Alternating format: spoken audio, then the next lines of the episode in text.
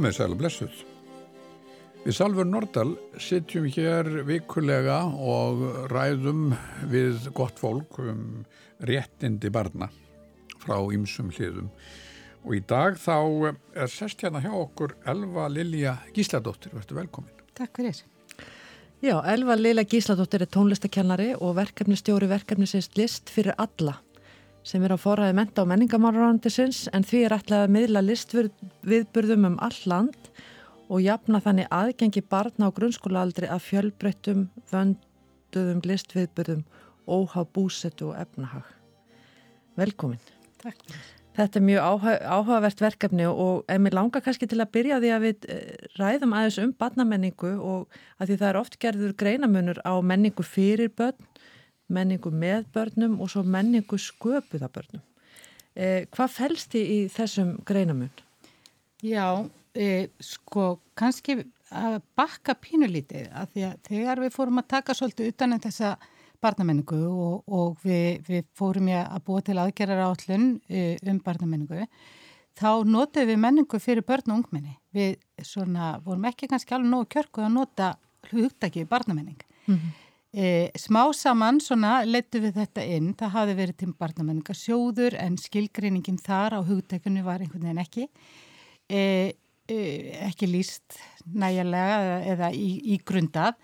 E, þessi, þetta hugtak með fyrir á börnum hefur svolítið komið frá Norrlöndunum og e, smá saman svona ruttsirúms hér á landi og svo allt í hennu stóði fram fyrir því bara núna nokkru mánu setna, já við bara erum fann að tala um barnamenningu mjög e, svona á þess, að, á þess að vera setja því eitthvað annað form. Við erum með barnamenningar hátíðir mm. og, og við tölum um barnamenninga dagskrá Þannig að, að það má kannski einmitt skoða það að það er ekkert svo langt síðan að við fórum að, að nota þetta hugtak barnamenning. En hugtakið svona er þessi þrískipting, menning fyrir börn, menning með börnum og menning sköpuð á börnum. Menningastofnannar hafa lagt áherslu á, á menningu fyrir börn og stundum með börnum. Það er oft þegar listamenn vinna í mm. samstarfi við og leiða börnin í gegnum eitthvað ákveði ferli og svo menning barnana sjálfra er sem sagt þeirra eigin menning sem að oft má kannski segja sé þeirra eigin leikjamenning. Mm. Og stundum og ætti kannski vera oft án afskipta hinn að fullornu. Þannig að, að hver og einn af þessum þáttum er greiðlega mikilvægur. Við þurfum að geta bóðið börnum upp á það besta að fá fólki sem að kann tækin og tólin og kann að, að nýta þau sem mest.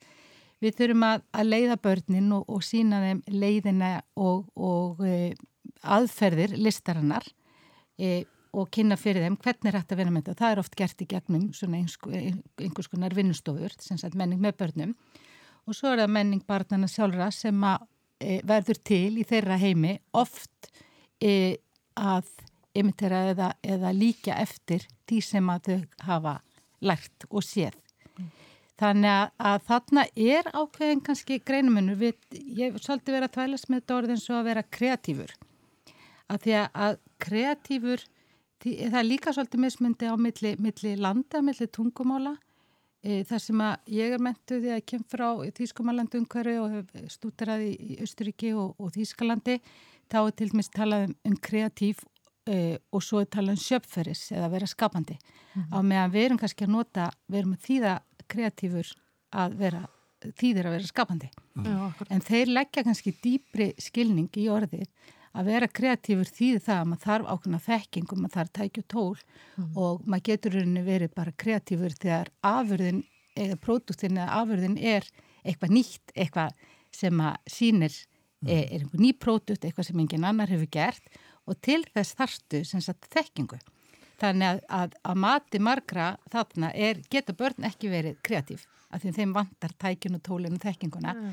Þau eru frjó, leikandi, skemmtileg að pröfa. Þannig að, en svo er þetta mismundi svolítið eftir tungumáli. Hér er notað mikið orðið skapandi. Hefur eitthvað annað hugtak sem þú getur notað?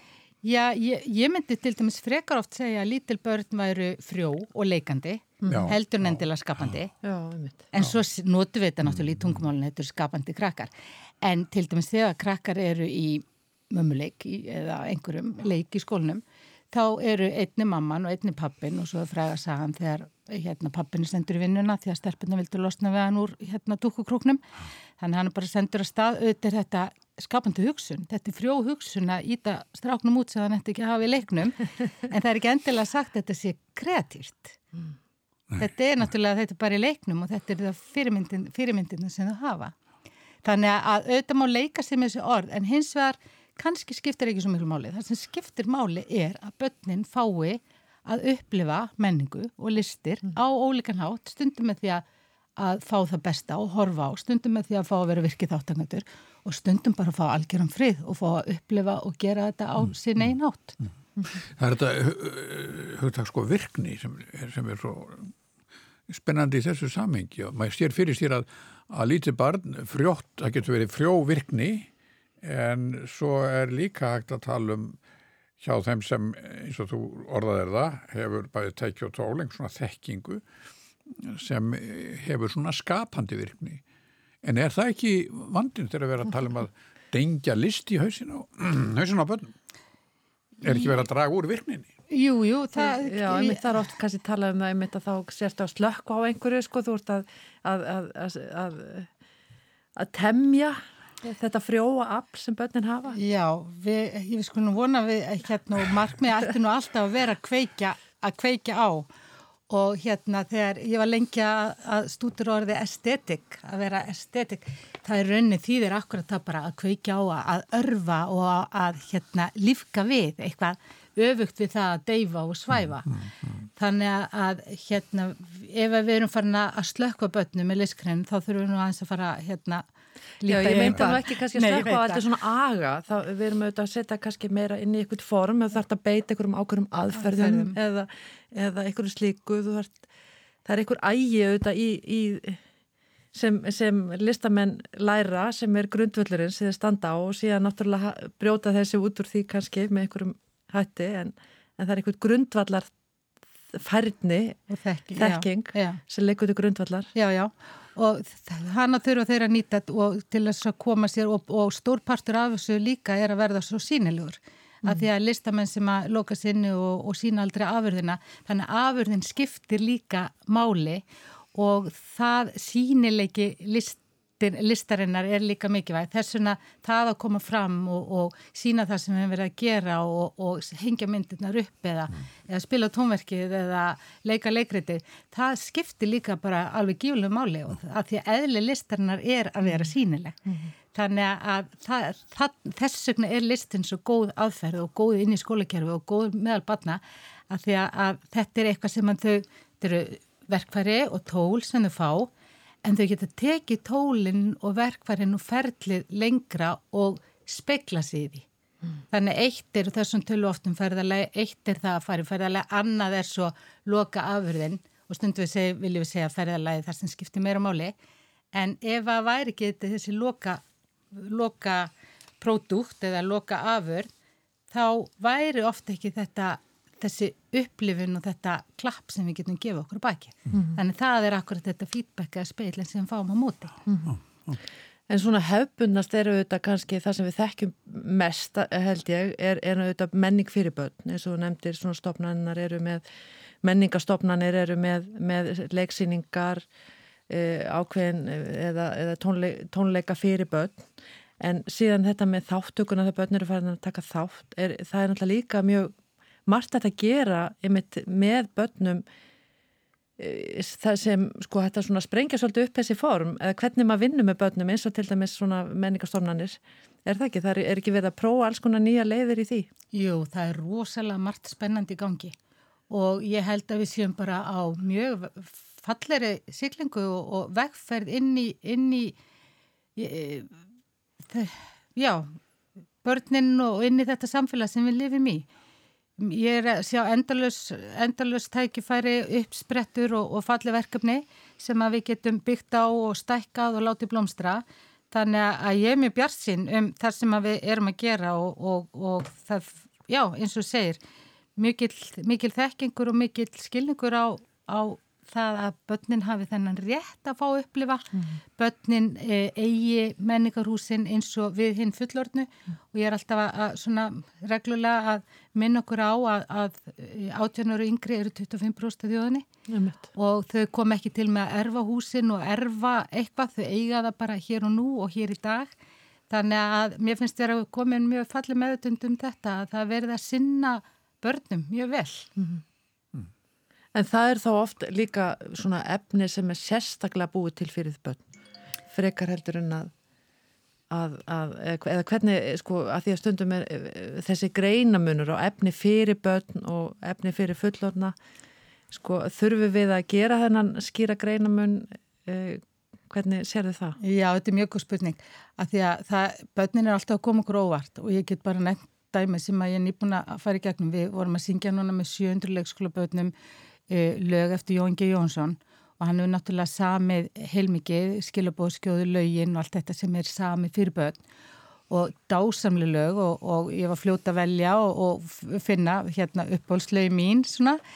En svo fengum við eitthvað sem við ætlum að flytja, þetta eru sem sagt e, viðbyrður á, á sem tónskóli Sjósvenseri í samstarfi við leikskóla í Reykjavík Svo var eitt lag sem að, að hafði fengið velum fyrir sem var frumflutt 1. desember á fullvöldisáttíðinni í Elborgarsal Hörpu og það lag mátti ég ekki heyra. En það er lag sem var sem sagt, vinningslag og heiti Landi mitt. Og e, við settum þetta inn í dasgrunna fyrir fimmarböðn og ég var mjög ákjöfull að þetta væri og erfitt, þetta væri á vitt tónsvið og allt þetta, samt er ég búin að kenna í 30 ár. En við menn, hvað stóð upp úr? Já, ótrúlega mörgum krökkum þetta lag sem var sami fyrir íslenska þjóð, fyrir fullortna og fyrir alla. Mm. Þannig að þegar þau voru búin að syngja sko, skilubóðskjóðuna sko, skriljónsinnum, þá er ofta eitthvað sem, þá viljaði ofta eitthvað bara ennþá dýbra. Þannig að ég held stundum að við sem að gera of mikla e, of mikinn greinum inn á eitthvað sem er fyrir börn og fyrir fullin við eigum bara að gera fallet leikus en auðvita þurfum við líka að hafa þetta aðgengilegt mm -hmm. að því við erum líka óbynd að þjálfa krakka í að koma á myndlistsýningar, upplifa leikus mm. og það að fara á fyrstu leikussýninguna, ég menn það er með mína drengi bara ógleimanleg upplifun að fara fyrsta leikusið og ég ráleg öllum ungum maðurum að leifa engum öðrum að taka batnið sitt í leikus mm -hmm. að því að, að þetta er bara, þetta er bara galdur og þú fær náttúrulega ekki á eitthvað fullornsleikrit eða eitthvað sem fyrst, fyrst upplifin. En ég held ég að vera 7 ára til að sjá skuggasveinu inn og, og, og ég man bara það eins og gerst hefði gær mm. og gett sungið lögin og, og svo framvegið sko. Í gamla yðn og sko. Þannig, þannig að þetta er, er galdur hann bakvið og börnin eiga rétt á að fá upplifin hann galdur og hann á náttúrulega bara vera eins fjölbrettur og aðkoma þeirra eins margveitslega eins og hægt er. Ég minn stundum fáðu að horfa, stundum fáðu að, að, að taka þátt, stundum fáðu frið til að gera sitt eigi mm og allar þessar listgrann sem við höfum, erum náttúrulega með alveg heilan hafsjó af, við erum með hérna, leiklist og tónlist og, og hönnun og núna kvikmyndun og, og dansinn og allt þetta. Dansinn hefur verið ofbúrslega í grúskonuna síðust ár. Mm. Þannig að við eigum bara að hafa þetta fjölbreytt, skemmtlegt mm. og óleika aðkomi. En hvernig löðum við til dæmis fram þessa menningu sem er sköpuð af börnum? Þú varst að tala um leikjamenninguna, við þekkjum það auðvitað, en hvernig getur við svona gert þessa menningu sínilegri? Vegna þess að við höfum kannski svolítið tilneiku til þess föðandu fólki að fara að stýra börnunum þegar við erum nálagt. Þannig að yeah. hvernig getur við svona komið þessari menningu meira á framfæri eða og, og, og örfaðu á þessu sviði?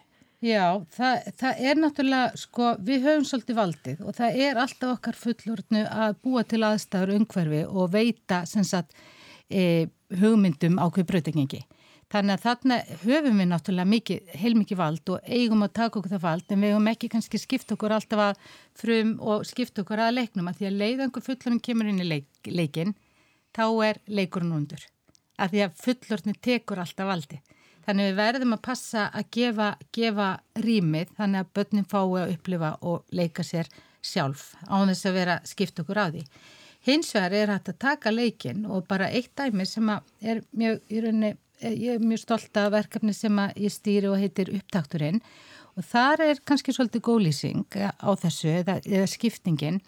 Við köllum eftir hugmyndum frá börnum um, um svona hugmyndatónsmið Þannig þá fáum við hráa hugmynd frá, frá börnunum sem eru e, hugsuð fyrir 10-15 ára krakka og við erum að fá þetta á, á alls konar mismunandi hérna útgáfum. Við erum að fá þau sjálf myndband spila og gítarinn heima í, í herbygginu sínu syngja í likvið sko, hérna, ímynda mikrofón í hárpustan og við erum að fá tölvu hérna, útprentun. Þannig við erum að fá mjög ólíkar hugmyndir og mjög ólíkar tegundur í tónlist.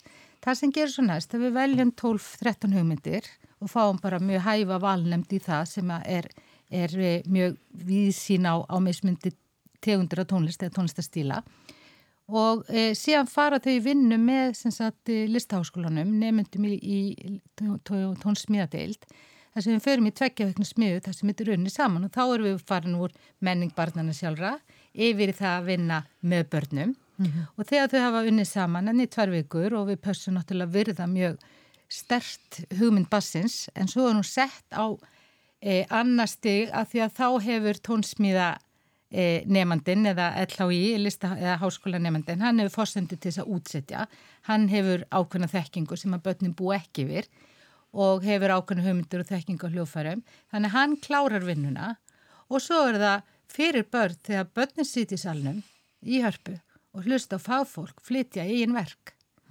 Og það sem er að gerast núna er að þetta er að fóra næsta, næsta level eða næsta stig af því að, að Sinfoníljónsett Íslands er mögulega bara að koma inn í þetta líka og fara að flytja verk eftir barn mm -hmm. sem er, er svona afsprengi af þessu verkefni.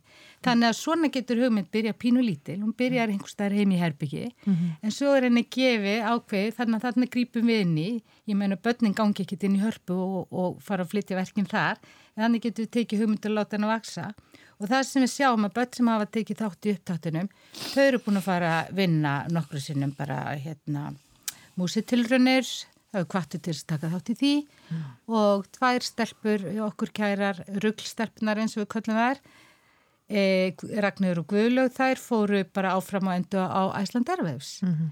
þannig að þarna er það okkar að segja, heyrðu stelpur, þeir eru búin að vera hjá okkur þrjusvar í upptáttunum, nú er ég að gera þetta sjálfar pröfið að fara með þetta næsta level, þið getur sungið sjálf. Það er kvartningin og að það að við vitum hvernig senan er byggðu upp hérna í Íslandi að við getum hjálpað þeim og kvartar, gefa þeim svona píldið þetta svona léttspark að, að taka þetta upp á næsta level. Og ég held að þarna þarna sé okkar hlutverk, við eigum að vita hvað er hægt að bjóða upp á. Það er okkar að koma okkur inn í eins og með útvarp og, og hérna, fjölmiðla Pærl hefði ekkert lappa hérna inn og látið taka viðtalvisi endilega strax í upphafi. En þarna getur við svona pínlíti ítt undir og, og búið til svona fjölbreytni. Þannig að flesti sem eru að taka þátt í upptaktinum eru bara stíga sem fyrstu skref svo, þa þannig laga, þau hafa ekki verið að taka þátt í einhverjum öðrum verkefnum svona stórum eins og músiktilrunum heldur byrja þarna. Já, þannig er það ofta að byrja tíu ára, Já, þannig að það var ekki komið til missi músiktilrunum og þannig er pílndið senan opnast og við hefum fengið krakkinu upptættin sem að hafa, ég spurði eitt strák, hann hafði aldrei komið við tónlist, nei, við hljófæri, hann hafði alltaf bara verið að vinna í tölvunni. Að því að hann hafði ekki þær aðstæður að, að það voru ekki til hljófæri heimi hjá hann og hann komst ekki í tónlistaskóla. Á meðan önnur eru náttúrulega búin að vera í tónlistanámi kannski frá galdri þannig að hann eru að fá mjög ólíkan hóp af, af krökkum. Þannig, já, þannig eru því að, að að styðja og hjálpa til við að þroska hæfileika sem eru til staðar og, og áhuga sem eru til staðar. En hinn liðin það er, sko, það er þessi áhersla á, á, á að miðla list til allra. Þar að segja e, nú, er, nú er svo mikið talað um það að, að börn og fólk í dag almennt sé svo gjörsanlega bombarderað af efni af list í ymsum formum og gegnum fjölmiðla og samfélagsmiðla og hvað sem er. er hvernig, hvernig gengur ykkur að eiga við það að, að gera fólk að góðum njótendum listar? Það er svona eins og hérna, það, þarna komum við svolítið inn í þetta verkefni sem heitir List fyrir alla. Að því að það e, er sagt, verkefni á vegum menta og menningumálfandisins eins og kom fram hérna á þann og á að bæta aðgengi allra barna að listum og e, það er náttúrulega mjög mismundi e, hvort að börnin er að fá e, mjög keimlíkt efni að því að það sem kemur í gegnum samfélagsmiðlana e, og það sem kemur í gegnum bara eins og YouTube og, og, og svo framvegis þessa, þessa miðla er oft kannski svolítið þröngt. Þau eru, nú er ég alls ekki að alhafa að því að sum eru alveg brjálaslega klóka að finna, finna eitthvað mjög ólíkt og, og mjög hérna, e, eitthvað sem þau hafa grafið og, og leitað eftir. En e, e, þess vegna er mikilvægt að okkar hlutverð sé að kynna eitthvað öðruvísi, e, taka upp pílindi út úr þessu boksi sem mörg hver eru í og fara aðeins með þau á annan áfangastað mm. og það sem við til dæmis erum að bara akkurat í dag og ég er að fara beint hérna á eftir er að skoða niðurstöður barna sem hafa verið að vinna á Akranessi þau hafa verið að vinna með 15 e, listkenslu eða listamönnu sem að stundan á með listkenslu deilt við Listaháskóli Íslands og þau eru til dæmis að fara með, þau eru með 8. og 9. bekkar, 150 krakka að fara með þau pílindi e, út úr þessum hefðbundarama, út úr skólanum í annað umhverfi og leiða þau pílindi inn á nýja slóðir af því að svo eru alltaf einhverju sem hafa gert þetta áður og hafa kannski verið í e, farið þessa vegferð áður en við erum alltaf að taka einhver börn á, í fyrsta skipti. Þannig að þegar þú ert með hópa krökkum þá þarftu náttúrulega píliti að taka miðjusetjaði svolítið. Þú gætir tekið vissan hóp miklu lengra en á, á samaskapu þarftu að fara taka varlega skrefin fyrir annan hóp sem að ekki fyrir upplifa þetta. Þannig að þetta er alltaf pínu miðstýring eða svona jöfnunarstýring í þessu. Jú, jú. En einmitt, sko, að því að við vorum að, þú nefnir list fyrir alla og það er auðvitað eh, líka tengist því sem við höfum að ræða hér svo mikið barnasáttmálinn og þú nefndir auðvitað áðan líka að börna var rétt á að, að, að taka þátt í menningu og, og, og, og vera njótundur menningar. Og það er einmitt talað um það sérstaklega í 31. grein barnasáttmálans að börn hafa sérst rétti kvíldar og tómstunda og frjálsa þáttöku í menningulistum og að jöfn tækifæri séu veitt til að stunda menningarlíf og listir. Og við veitum það og þið til dæmis er það að það tala sérstaklega um óhaf búsettu og efnahag. Og auðvitað á Íslandi það sem sko þetta er dreibilland og, og börn kannski á sumum stöðum á landinu er, er, það er langt að fara til að njóta menningar og, og efnahagur auðvitað hefur líka mikil áhrif á það hvort að börn geti lært á hljófari eða farið í danstíma eða, eða hvaða er, myndlistatíma eh, hvernig sagt, eh, hvernig nálgist þið þetta í verkefninu? Er, er þeir að fara með verkefni bara út um landið? Er það ekki til þess að, að, að börn sjáu og verði vitni að góðru list og, og, og upplifið list eins og, eins og er svo mikilvægt fyrir okkur öll? Já, hérna, við erum að okkur að takast það náður að heimsækja hvernig einastu grunnskóla á landinu og þá séum fyrir utan Reykjavíkskólana mm. að því að Reykjavíkskólanum eh, við göngum ekki eftir, þeir hafa fengið búað en ég ringi ekki í hérna Reykjavíkskólana og segja, ég er ekki búin að heyra frá okkur hvað ætla að taka en ég hef gert það við landsbygðarskólana þannig að við erum hvort sem Kópáur, Garðabær og allt lengra frá sem sagt Reykjavík erum við að heimsækja hvernig einastu grunnskóla þannig ef einhver grunnskóli eh, svara mér ekki, þá ringi ég og gengi eftir og hei, við erum að koma hérna. Mm. Þannig að mitt hlutverk er bara að, að koma listverkefni inn í skólan og, og ná þær í gegn og það er, eh, er náttúrulega er vona að verða auðveldar eftir því sem að, að svona, við kynnumst betur og, og þau eh, sjáu sem sagt bjútið í þau að taka móti verkefnum frá list fyrir alla að við tryggjum okkur svona gæði og fámesku mm.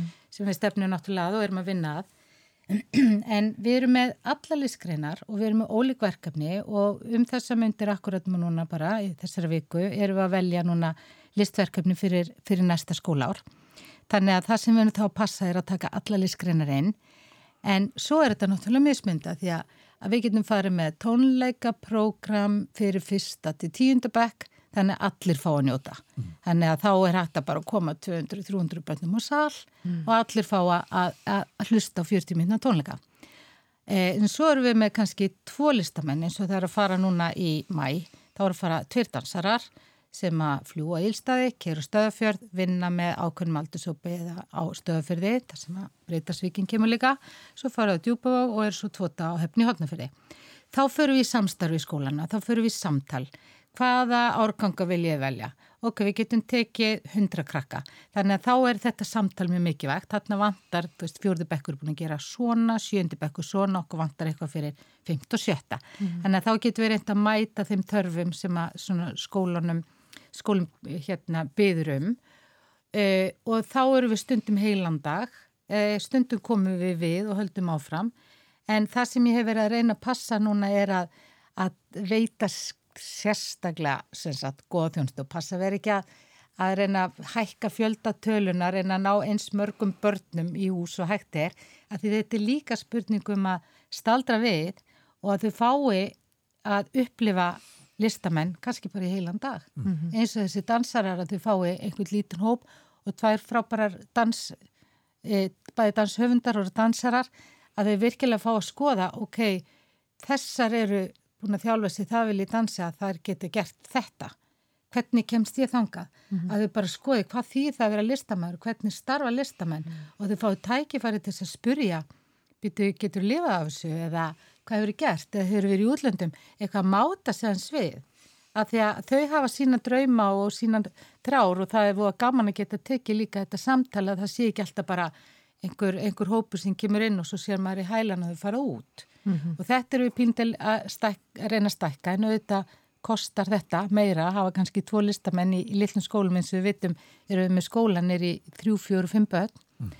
Skólinn á, á fimmбóðstöðum hefur verið með tvö, þrjú börn í, í Norðurfyrði ánesreppi ströndum.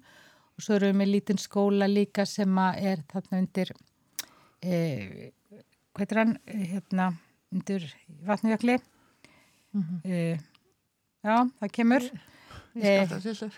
Já og, svo, og þá er spurning eiga þau að koma höfn? Og ég senda þeim, mm. sendi þeim núna verkefni með Gretu Klaff sem er, er svona brúðgerðarkona. Og hún var heilanda en þá var líka hægt að bjóða leikskólanum að vera með, fóröldræðinu voru bánur á síningu til þess að reyna að stekka pílndi samfélagi og auðvitað er þetta e, sko frábært ef að þetta setja akkurat í þessa litlu skóla sem ekki hafa endilega kostaði að hafa myndmyndakennara, tónlistakennara, leiklistakennara að fá einn eitthvað svona alvöru sem að blanda saman eða einhverja nýja hugsun. Mm -hmm. Þannig að við erum bara að leggja ofur áherslu á að vera með fagla viðbyrði, vera með fjölbreytta viðbyrði, reyna að vera með viðbyrði sem að höfða til og e, sem sagt krakka en jafnframt svona augrarðum, tekur þið pildið á einhverja framöndu slóðir Þannig að við erum náttúrulega bara að æfa okkur og læra og, og viljum þetta samtal og það sem okkur hefur verið að takast líka er að við erum samstarfi við menningarstofnanir og það eru vit ofta hverjum veist hvað vantar og verið samtali við menningarfuttrúana. Já, á hverjum stað. Á hverjum stað, Já. það hefur verið að reynast rosalega vel mm. að við erum verið að fara með viðbyrði núna, við vorum með hellingabörni núna 8. 9. 10. bekki í Hófi til dæmis núna Við erum að fara e, núna inn, höfum verið í etum, samstarfið Etimborgarhús, samstarfið fræslumisturinn Skaftfell á Seðisferði, mm -hmm. Sláturhúsið, Mengarhúsið á, á Eistöðum. Þannig að við erum svona alltaf píldið að vera og bæja, bæjabjöði hafnaferði, komið gríðarlega flott hús og góð, góð saman þar. Við vorum í hljómahöllinni, tónlisturskólanum í Garðabæ með viðbjörn. Þannig þetta er líka eitthvað sem við þurfum að hugsa um Við eigum ekki alltaf að bjóða börnunum upp á að vera í matsal og íþróttúsum. Við eigum mm, stundum að nota þetta að það sé bæði frábæra aðstæða fyrir listamenn en ekki síður frábæra aðstæða fyrir börn að koma og sitja í alveg sætum, mm, vera með alveg svið, lýsingu, hljóð, gjöra aðstæðar. Þetta þau getur við tekið svolítið líka. Mm. En þetta er, en þú nefnir hvað þessu, tíundabæk, hvað er aldurspannið er allur? Já, fyrsti til tíundi. Fyrsti til tíundi. Þannig það er auðvitað hlítur nú að reyna talsvert á að, að finna og, og þróa efni sem hendar þessum ólíku aldursóp. Já og nú saði ég á hann við erum heimsækja alla grunnskóla en við erum ekki heimsækja alla árganga. Þannig að nei. þarna hittur þú svolítið naglanu við að við okkur vantar sem sagt fjármakt til þess að auka og við erum aðeins búin að auka í núna þannig að núna er mér ofta takast að senda tvo vipur á hvert staf E, og þá náttúrulega reynir ég að hafa óleika aldursopa því kannski bara eins og þarna var leiksýning fyrir 8. 9. og 10. bekk þá voru alveg gaman að geta sett eitthvað fyrir fyrstannan og þriðabekk eða, mm. eða miðsti á næsta ári og það reynir ég að gera en það sem að væri náttúrulega skemmtlast er að geta verið með e, viðbur fyrir hvern einasta aldurshóp mm. og stundum, eh, sko, það, að því við vorum að tala um það líka áðan að við erum að búa til listir fyrir börn og hvort það þurfi að vera sérhannaða mm. að því að svona viðbörur þurfa að vera svolítið sérhannaðir út af því að þetta er fyrir öll börn og allan skólan það er öðruvísi að fara með við fjölskyld viðbörð að því þá eru eldri krakkar ofta að fara með yngri sískinum og horfa stundum á með augum sískinna og ég finn þetta ofta í litlu skólanum. Ef það viðbörur fyrir kannski fyrsta til fjóðabæk þá bjóðum við nýjöndu tíundabæk líka að þau eru þá ofta að horfa í gegnum sískin sína lítið fransískinni mm. og það er myndast öðruvísi menning eða kultúr heldur en ef þú ferðir í risastóru skóla þá byrjur ekkert tíundabæk að koma að horfa á eitthvað búkollu dæmið sem er hugsað fyrir annan bekk. Mm -hmm. Þannig að þetta er oft líka bara mismyndi menning á hvernig stað sem við þurfum að, að skoða og, og íhuga svolítið. Ég veltiði fyrir mér hvaða stefna eh, er, er ríkjandi þar að segja, nú heyrist mér og það vola mikið til að tala um barnamenningu þá mjög mikil áherslu að lögða á, á þáttökuna og svona þáttöku hugmyndinni mjög sterk en fyrir krakkas sem eru komin svona unglingseldur og eru gegn sósa af, af popmusík hvaða, hvaða stefnur ekki því því að, að kynna þeim aðrar tegundir tónlistar síkilda tónlist er, er, hafið þið einhverja meðvitaða stefni í þessu? Já, við viljum meðvitað stefna er að hafa fjölbreytilegan mm. og e, þannig að núna til dæmis fóð bara freka klassisk dasgrá e, fylga gítar og söngur sem að við erum búin að vera að senda núna alltaf í einhverja svona einhver, einn og einn landsluta í einu þannig að okkur finnst e, á sama tíma það þarf að vera aðgengilegt og við þurfum ekki að endilega að varpa yfir það eitthvað sem við vitum fyrirfram að, að er ekki skemmtilegt að því að auðvitað þurfum við að ná þeim á einhvern nátt mm, mm. þannig að einhvern svona snefill að, að því að hafa þetta aðgengilegt þarf náttúrulega að vera ríkjandi, ríkjandi þáttur. E, aðrar tegundur af tónlist e, í rauninni fjölbreytt allar tegundur af tónlist eiga rétt á sér e, og e, já kannski er þetta eitthvað líka til þess að hugsa um og þetta er pílita sem upp á, er upp á borði núna að því að Þú talar um unglingana, ég held að við þurfum að byrja líka kannski snemma. Við erum að, í, með bíkja núna og erum komin og erum að fara að skoða núna að leiða inn e, festival eða svona tónlistarháttíð mm. sem að heitir Big Bang Festival og við ætlum að byrja að keira nú næsta ári. Verkefni til þryggja ára sem er, er styrt af Create Europa og komin e, svona fjármagn fyrir að hluta. E, og þarna ætlum við að reyna að fara yfir svolítið út fyrir bóksi og pröfa aðra tegundir af tónlist mm. og reyna aðeins að taka þau út fyrir þetta hefbuna, hefbuna bóks mm. til þess að þjálfa því að oft eru fordómatnir gagvart tónlist eða ef að tónlist er óægengileg meiri okkur fullartna heldur en hjá börnum ja, ja, þau eru oft opnar og finnst það eitthvað sem okkur finnst vera vola mikið mm. nútíma eða skrítið, þeim finnst það bara mjög eðlagt Þannig að byggja einhverju reytir ekki á, á, á reynslunni af, af tónlistir í alla sem var í gangi Jú, list fyrir alla byggir mikið á því verkefni. Já, já. Ég er nefnilega mann eftir því að hafa orðið vittnað því þegar Jónas Ingemundarsson og Kristinn Sigmundsson mættu í grunnskóla og, eh, og þegar þessi stóri, stóri maður stegi fram og, og beljaði yfir ja, krakkonum að sum, sumi lillukrakkarnir þeim brá mjög í brún mm. en aðteglinn var alveg óskipt. Já, hver heitlast ekki að Kristni og, og Jónasi, það maður það nú að vera hérna pínu mjög sofandi ef maður fær ekki nýjan að hlusta á þann söng og, og pjónuleik En þið eru sagt, hvernig þá, að þið voru að tala svona með, með verkefnina þetta eru þá svona frekar lítil verkefni má segja, þetta er ekki þetta er svona auðvelt að fara með auðvitað um all landið og þau þurfa alltaf að taka með að því að það sé svona aðgengilegt að að fara út um allt vegna þess að það er ekki þannig að þau verkefni sem velja, þau reynir að koma þeim verkefnum í flesta skólana. Jú, Já. að því að hérna það að fara til dæmis eins og við gerðum núna í hofi, við vorum með fimmanna hóp, það er bæðið náttúrulega dýrt að senda fimmanna hóp, þannig að það, þá er, var kjörið aðstæð að komast í, í tengsl við menningarhúsið hof sem mm. tók þátt í þessu verkefni með okkur, að því þá er hægt að koma náttúrulega fjöld, fleiri krökkum fyrir við góðar aðstæður á staðin fyrir að þessi fimmanna hópur hann hefði aldrei náða að ferðast á milli skóla. Nei, nei, því það tók alveg heilan dag að- setja upp og kanna ljós og, og hljóð og svo framins.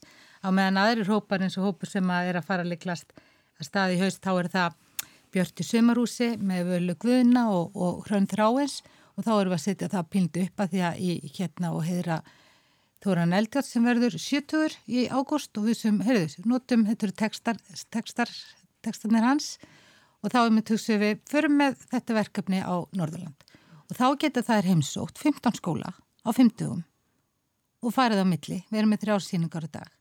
Já, Þannig að þá hérna, e, hver síning er einhverju 35-40 myndur. En það þýðir náttúrulega að það er ekki að dvelja eitt dag í hverjum skóla. Þannig að þá fara þær pildi svona bara á flugið og, og, og hérna. En að samaskapi er við þá náttúrulega ná kannski, fyrst þetta er triðabekk í, í einhverjum 15, 16, 17, 18 skólum. Þannig að þau eru mjög mismyndin auðvitað, þau þurfa að geta ferðast en ef að þau eru svona lengi í uppsetningu það þarf meirinn tvo tíma að setja þau upp. Þá þurfum við náttúrulega íhuga það að komast helst inn í menningarhús.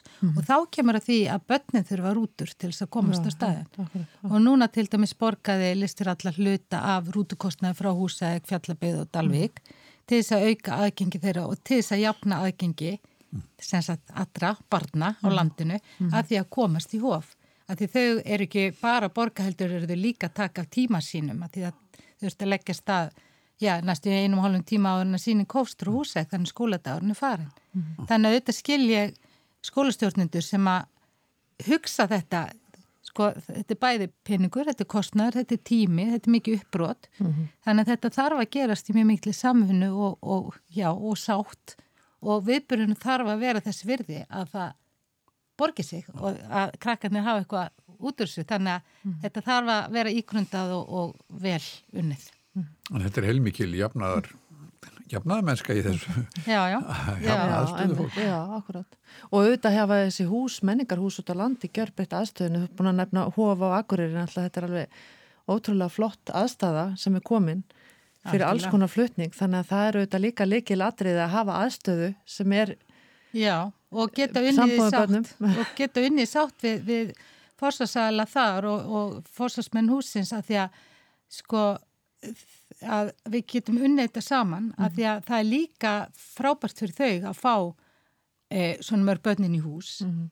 Þetta er bara eins og ég er að hugsa núna í samtali við listasamn Árnesinga og þau eru með fallega síningu þar á, á, á myndlist Áskans Jónssonar og, og fyrir listasamn Árnesinga skiptir máli að öll börn og nú erum við að fara í samstarfi það öll börn í Árnesislu eða upp í Árnessveitir komi í haust fyrstu þetta hérna vetrarins núna bara í loka ágúst þessuna inn í, í listasamni og fái þar viðburð. Og þá er þarna spurning með á list fyrir allir ekki að koma inn í þá myndir þau borga laun sem sagt listamannsins sem tekur múti krökkunum. Listasafn áreinsinga leggur til síninguna og starfsmann sem er í líka í mótöku og svo getur list fyrir alla borga hluta af þessum rútukostnaði.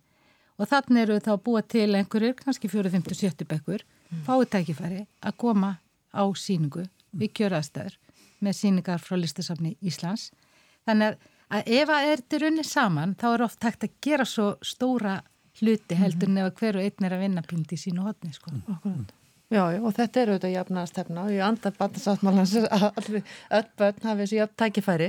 En þú nefndir einmitt að, að börn, sko, þið gangi ekki eftir, eh, eh, eftir skólanum hérna í Reykjavík en þar eru auðvitað kannski börn sem eru félagslega stödd þannig að þau hafa ekki kannski notið þess að fara í hörpu eða leikúsin eða, eða aðra viðburði Nei, en skólanir hafa á færi sínu þeim, það er öllum börnum bóðið í borgarleikusi Mhm. það er öllum börnum bóðið á já. og þannig að það er miklu meira, Meira. aðgengi fyrir krakkana hér, þau geta tekið strætó auðvitað er sagt að það er gett að taka strætó á þessum tíma, en ég meina öllum fjórðabækjabötnum er búið opnunum viðbyrð og barnamenningarhátti sem er brjálaslega flottu viðbyrður þannig að það er svo margt sem að þau hafa sem sagt, betra aðgengi, Gengi, af já, já, einmitt. Þannig að mér finnst alveg eðlilegt kannski að segja ok, setjum fókusin á landsbyðina og, og spörum kannski minna í því sem að eiga erfiðara með að sækja og eins og þessi rútukostnaður. En, en að sjálfsögðu erum við með verkefni líka sem við bjóðum Reykjavík borg upp á sko. Einmitt, akkurat, akkurat. En það er þetta, þetta þýðir heyrist mér að, að grunnstefnan, að, að það er stefna íslenskra uh, stjórnvalda í þessu tilviki að öll börn skuli hafa möguleika á því að, að upplifa, uh, njóta uh, listmenningar, ekki bara vera að læsa á, á ásreikninga og Nei, sko, barnamenn hefur fengið fókus núna mm. og er einn af fjórun þóttum í aðgerðar hérna í menningarstefnu stjórnvalda um aðgengi barna og ungmenna að menningulistum. Þannig að það hefur verið að fengi sérstaklega fókus á síðust árum og því bara fagna og hefur, er orðin sérstaklega málaflokkur til minns inn í ráðanætinu, ment- og menningamálráðanætinu. Þannig að við, okkur hefur e, tekist bara heilmikið og til dæmis bara aflegging held ég að því að því goða starfi sem hefur unnist á síðust árum er svo að nú kemur sjóður, barnamenningasjóður nýstofnaður sem er, er verið að veita úr núna og bara held ég næstu dögum og vikum. Þannig að við erum að fá heilmikið þar auka fjármagn af því að það hefur sínt sig að við erum á, á góðri vegleið, við höfum verið að gera góð hluti, við höfum náða saminast og vinna þetta saman mm. þannig að það er einhugur að því hvernig heldur hægt að vera ósamála því að auka menningulistir fyrir börn og ungmenni hvað segir sér sjálf, þannig að við höfum haft gefið til þess að vinna þetta vel og saman og í samstarfi þannig að ég held að það sé líka pínu að við erum kannski svolítið velunum nokkara að það er verið að setja þá ennþá mjög fjármagn í þetta núna mm -hmm. Þannig að við erum bara jákvæði bjart sín og, og bara ánæðpilndi með landslega hvernig er þetta og nú bara um að gera að, að, að nýta þann meðbyr sem við höfum og vinna þetta vel og fallega. Mm -hmm. En varandi sko nú höfum við verið að tala auðvitað fyrst og fremst um það að, að færa listina til barnana þannig að þau geti notið listarinnar. En svo er annar hluti er náttúrulega það að það er mikilvægt fyrir börn að geta kynst listinni beint að þau geti komist í nám tónlistarnám eða eh, dansnám eða myndlist, auðvitað kent myndlist í, í mörgum skólum en, en til dæmis tónlistarnám er mjög dýrt margt að þessu svona sérnámi er mjög dýrt og það er ekki jamt aðgengi barna að því það er ekki, þannig að, að það er mjög mikilvægt að börn kynnist og, og, og, og nái svona að aðtuga hvort að prófa sig áfram Þess vegna er svo mikilvægt að þetta fari gegnum skólakerfi. Því þá erum við að jafna aðgengi algjörlega og það að öll börn fái þessa fræðsli gegnum skólan. Síðan er það alltaf val fóreldra hvert og hvernig og hvort þau senda krakkana sína eða börnin sín í eitthvað, eitthvað sérstakt sem satt e, nám. Mm -hmm. Þannig að, að e, grunnurinn á alltaf að vera inn í skólakerfinu. Mm -hmm og það til dæmis að bjóða eins og við erum að gera í þessu leikskólaverkefni sem ég nefndi á þann að bjóða 700 börnum að fara inn í verkefni sem er þetta leikskólaverkefni sem heitir núna Lífa er heimsins besta gottri þar sem við erum að búa til umhverju, bjóða um í tónlistaskólan, bjóða um upp á sviði hörpu mm -hmm. þar sem að öll börn, minna við erum bara með bara heilan árgang í þessum 32 leikskólum, það er engin undanskilin mm -hmm. og þau koma þarna með, með sínar sínar raskanir og, og sínar sértarfir og, og, og sitt allt þetta fallega litróf sem að hérna mhm. börn og allir manneskjan býr yfir en svo þú segir, vá, byttu þarna er, þarna, þetta gengur svo smurt og þetta gengur svo fallega að það er, ég segi, þurfa þessi börn var alltaf að pissa, að það er einhvern veginn allt bara gert svo fallega og rólega og ígrundað og einhvern veginn svo vel að þessu staðið. Að því að þá finna allir þetta öryggi, að vita allir hvert hvað við erum að gera, hvert við erum að fara og þá næst þessi pínu þessi, þessi ró og, og þessi fegur sem að ég til okkur hafa náð þar. Mm. en svo er það náttúrulega þetta að, að senda börni sín í eitthvað sértækt nám mm. og ég neyta því nú alveg kannski aðeins að, að tónlistarnám sé svo dýrt ég held sko að ég haf ekkert verið að borga mikið meira heldur en árskjald í handbólta til dæmis fyrir mínu stráka dýrt, sko. það er nefnilega líka dýrt Já, sko. það, en það er raunverulega tómstundan ám hér á Íslandi er dýrt fyrir börn Já, og kannski með að við kannski aðstöð, aðstöð, skapa svona aðstöðumun milli barna sem Já. eru uh, standa félagslega lagar og, og það sýnir sér til dæmis að, að börn sem eru af ellendum uppruna Uh, börn sem eru standa félagslega ítla fjárhastlega eru koma fátakari fjölskyldum eru ekki í tónlistanámi eru ekki í íþróttan Nei. íþrótta að er ekki æfenina íþróttir þannig að, að þessi hópur er sko síður að til dæmis að nota uh, styrki uh, tómstundastyrkina heldur en aðrir Já, já. þannig að það er mismunum þarna og, og tómstundastyrkina þá ekki nógu háir til þess að að, að, að, að borga fyrir gjöldin sko, þannig að nei, það- tónlistanámur er ábygglega ekki dýrar heldur en annað, ég, ég þekki Já. það svo sem ekki í smádröfum en, en, sko, það, en þetta er dýrt fyrir þá sem ekki, Ekki ha, eiga hafa, neitt já, já. aflugu sko. Og stundum þá vera að velja kannski ekki þetta bæði íþróttir og þetta Já. Á meðan að- aðrir eru að drukna í að því þau eru bæði í ballett, eh, fimmleikum og tónlistanámi og Mm, þannig að En er þetta ekki þá ennþá, er þetta ekki þá ennþá mikilvægara? Þetta starfi ykkar vegna þess, eh, sko hreinlega til þess að opna augu og eru fyrir því, fyrir því að, fyrir tilvist mm, sko í rauninni bara ekki að þetta bara á að vera, punktur. Þú veist það á ekki einu sem þurfa að ræða, bara öll börn eiga rétt á því að fá að upplifa listir og menningu. Og til þess að það sé hægt þá ferða í gegnum kerfið, skólakerfið.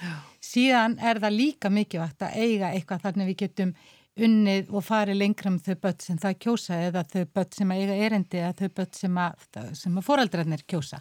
Þannig við verðum að hafa litrófið að því að við viljum líka eiga dansflokk og symfóniljónsett og leikar og sviði og yfirleitt þeir sem að eh, sitja þar og, og, og hérna dansa og leika og spila sem fullöfni þeir hafa byrjað sína vegferð eða sína e, hérna þjálfun, hvort sem er hljófæri eða á kroppin, einhvers staðar snemma á lífsleginni. Já, já. Þannig að við viljum náttúrulega bara allan skalan og meðan aðrir sk- vilja fara í íþróttir og, og aðrir kjósa að gera ekki. Þannig að við viljum þetta litrum, við verðum að geta bóðið upp á grunn, grunninn þar sem allir fá að njóta en svo hefur við líka að vera brjálaslega metnaðgjöld að vera með góða sérhæðar listastofnanir og skóla. Það var einmitt að í þessu samhengi vegna að þetta er svo mikilvægt að, að börn fá að upplifa að það er þessi fallega saga um Helga Tómasson sko, sem sá danssýningu fyrst í Vestmannu, bara ungu drengur Já. og hafði aldrei séð danssýningu og, og, og heitlaði svo mikið að það var, var hans, hans bara æfi ráðinn. Hugsa ykkur, já. Og svona held ég að sé til miklu fleiri sögur sem við fáum ekki að heyra. Mm. Og ég er með svona litla könnun sem við sendum út í skólana og vorum með leikrit eh, um daginn sem að hérna heitir fyrirlestur um eitthvað fallegt og fjallar um kvíða. Og svo fekk ég núna, var ég myndi að skoða einhverjar 300 niðurstöð sem ég fekk í gegnum krakkana þau tóku svona litla könnun og sendi mér. Og sumi segja bara, nei, þú veist, og hafa ekkert að segja. En ég fekk bara nokkur djúb viðbröð líka frá krökkum og sumir höfðu bara fundist erfitt að fara því þetta er reyft við þeim en þau hefðu tekið samtala á eftir oft með kennurum þannig að hérna svona vera fjallum deburð og, og kvíða en þetta fór, fór svolítið innan, inn fyrir húðina. En hérna e, þau e, hafa mjög oft líka maður sér þessum könnunum þá er það tjási mjög mismunandi. Sem fara alla leið og þetta var bara undur stórmerki að mann önnur þóra kannski ekki að segja það beint hafði áhrif á meðan þetta hefur kannski bara engin áhrif á þeirra og þarna þýðir ekkit að vera að reyna að ná einhverjum halleluja kór í lokin, við erum ólík, við erum mismundi og við getum ekki farið með eitt viðbyrð og náð til allra. En við getum kannski smá saman með ólíkum viðbyrð og náð til fleira Þannig að, að þetta snýst svolítið um það að við hérna meðum ekki líta okkur sem einhvern hvud almáttuðan. Við eigum að taka sensa og þá eru alltaf einhverju sem að þetta höfðar kannski ekki til. Þannig að þið sendið alltaf spurningarlista til barnana á eftir, Já. fáum viðbröð. Já, Já, akkurat. bæði til kennara og svona krakka frá fjóruða fymta bekk þá látum við þau svara. Annars byrðum við svona kennara þess að grafast fyrir og fá sendingu frá krökkum. Og vinni þá eitthvað með þar niðurstöður upp á það hvernig þið veljið næstu viðbyrði eða... Já, já, auðvitað þeir sem að fá supergóða úttekt, auðvitað viljum við senda þau þá eitthvað aftur. Mm. Þannig að hérna... Eða kannski kom, koma tillögur um einhvers konar verk eða... Já, við spyrum líka krakkinu hvað þau myndi vilja sjá og hvaða listgreinar og hvað þeim finnst mikilvægt. Og það er, það þegar þau tikki þau boks er það ótrúlega jamt að því sem við viljum kvikmyndir, dans, tónlist, leikús, hönnun, það kemur rosa jamt út. Þannig að það er ekki eitthvað eitt sem að skarar sem það tekur yfir. Þetta er mjög jamt svona e, skipt niður á milli áhugð þeirra. Þetta er greinilega meðvitað og faglegt átak sem er í gangi og Og vonandi ekki bara áttak heldur, eitthvað sem verður bara til framtíða. Við erum komin til að vera, Til þetta er bara ekki spurning, þetta er bara festis í sessi og nú bara þurfum við að skólanir átt að segja á því líka og skólastjórnendur að þeir eiga þetta með okkur. Mm.